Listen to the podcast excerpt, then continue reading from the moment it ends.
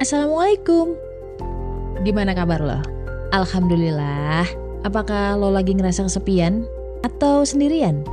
Kenalin gue Ria Marliana, teman healing lo di podcast Self Healing. Di sini kita bakal ngobrol bagaimana sih belajar berdamai dengan luka, tentu aja atas izin Allah Subhanahu. Semoga Allah sembuhkan lukamu, ringankan bebanmu dan kuatkan hatimu.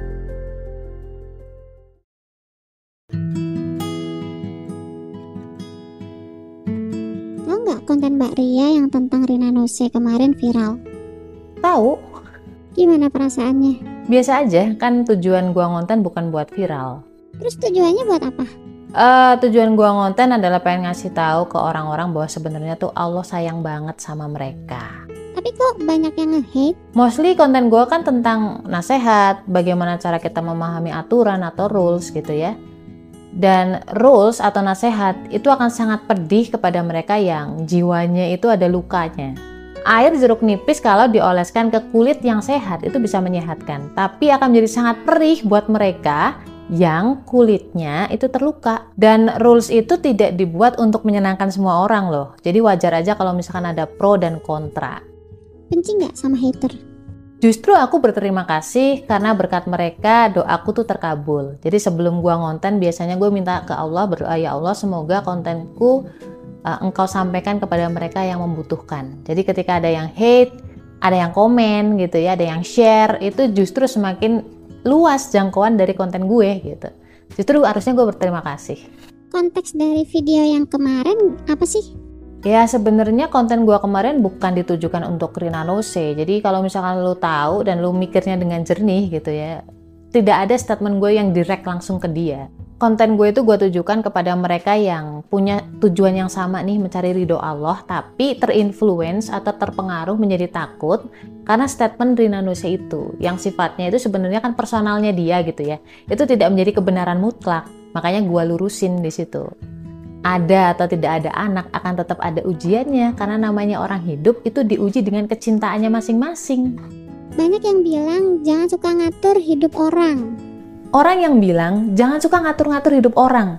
Sebenarnya orang itu juga ngatur orang lain biar tidak peduli. Sama aja kan? Fitrah manusia itu mengatur dan diatur. Permasalahannya adalah siapa nih yang ngatur. Ketika dokter yang ngatur-ngatur kamu, kenapa nggak marah-marah? Kenapa nggak dibantah? Karena kamu percaya dokter itu tuh kompeten dan dia bakal nolongin kamu. Nah sekarang kenapa ada orang ngingetin tentang aturan Allah? Allah ngatur-ngatur kamu, kenapa kamu marah-marah? Karena kamu nggak percaya bahwa Allah itu kompeten dan Allah itu bakal nolongin kamu, bakal nyelamatin kamu, iya kan? Kenapa kita nggak percaya? Karena kita nggak kenal siapa Allah. Bos kita ngatur jam kerja kita dari jam 8 sampai jam 5 sore. Kenapa kita nggak ngebantah? Kenapa kita nggak protes? Karena kita tahu bahwa bos itulah sumber dari gaji kita gitu kan. Tapi kenapa kita protes ke Allah ketika ngatur-ngatur kita? Karena kita lupa bahwa Allah yang ngasih kehidupan ke kita. Kenapa mau ngasih nasihat padahal banyak haters? Ya karena gue peduli sih sama orang-orang yang mau dipeduliin ya.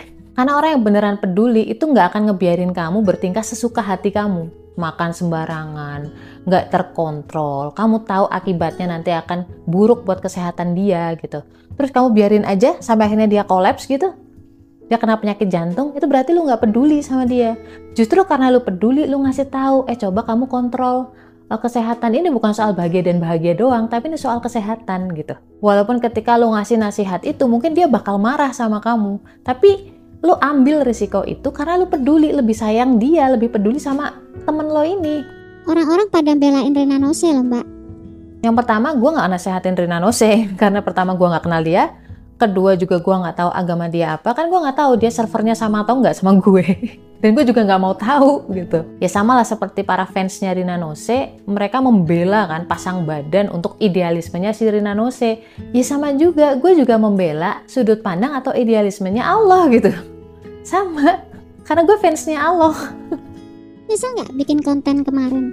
Enggak sama sekali, karena semakin membuktikan hipotesis kekhawatiran gue. Banyak orang itu mengkiblatkan artisnya atau idolanya. Mengkiblatkan tuh mengkultuskan, menabikan, idolanya tidak boleh salah, tidak boleh disalahin. Jadi begitu ada yang komentarin, yang nyalahin, langsung lah diserang ini si si komentatornya. Sudah tidak lagi tentang objek masalah atau apa yang diomongin, tapi siapa yang diomongin, kan gitu. Itu udah personal. Dan kata Imam Syafi'i, kalau udah urusannya personal nggak usah diladenin gitu. Karena mereka ngomong berdasarkan nafsu, bukan berdasarkan ilmu. Banyak yang kasih saran biar Mbak Ria stop ngonten, karena endingnya nggak baik. Baik dan buruk itu sangat relatif. Jadi kita harus menyamakan persepsi kita dengan persepsinya Allah. Baik itu ketika setiap peristiwa yang terjadi itu mendekatkan kamu dengan Allah, menjadikan doamu lebih dalam, menambah solawat kamu, menambah bacaan Quranmu itu berarti baik. Tapi segala sesuatu yang kelihatannya nikmat dan itu melalaikan kamu, itu bukan kebaikan, itu keburukan. Gimana caranya tetap tenang ngadepin haters? Solawat. Pesan buat mereka yang takut punya anak. Yang namanya menikah, punya anak, yang namanya hidup, pakai hijab, itu kan ibadah. Jangankan ibadah besar seperti itu gitu. Ibadah yang sehari-hari sholat, puasa, ya kan, makan ibaratnya.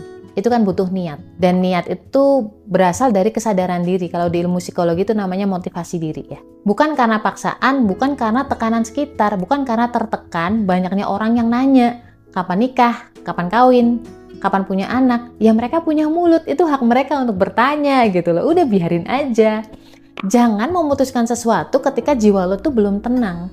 Jadi hal pertama yang harus lo lakuin ketika jiwa kamu belum tenang itu tenangin dulu jiwa kamu. Caranya gimana? Ya sama kayak tadi dengan sholawat, dengan mendekat ke Allah, dengan mencari tahu ilmunya. Orang itu kan takut karena dia nggak tahu ilmunya, belum ada info. Jadi yang bisa melawan atau menghapuskan ketakutan itu adalah ilmu. Ibaratnya kayak kulkas ketika rusak ada sesuatu yang nggak benar, larinya ke mana? Ke customer service. Ke customer service-nya si brand kulkas ini, bukan malah ke bengkel motor. Sama juga ketika jiwa kamu mungkin terluka, jiwa kamu masih belum tenang. Harusnya kita datangnya ke Allah.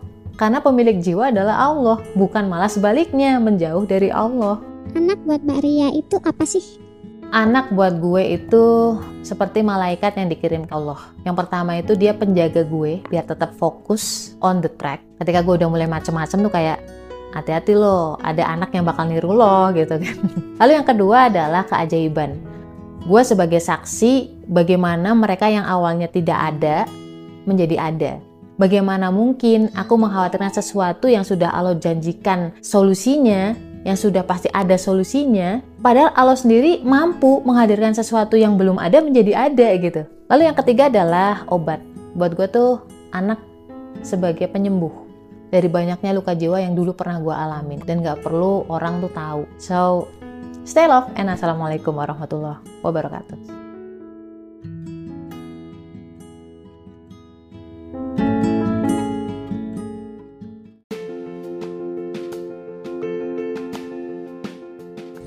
Kenapa sih golongan darah B itu pelupa, susah banget ingat nama? Orangnya juga cuek, nggak pekaan, nggak perhatian. Kenapa coba? Bedah itu semua dari buku cerita tentang karakter golongan darah B dengan judul Beauty in a Beast. Order sekarang, link di bio ya.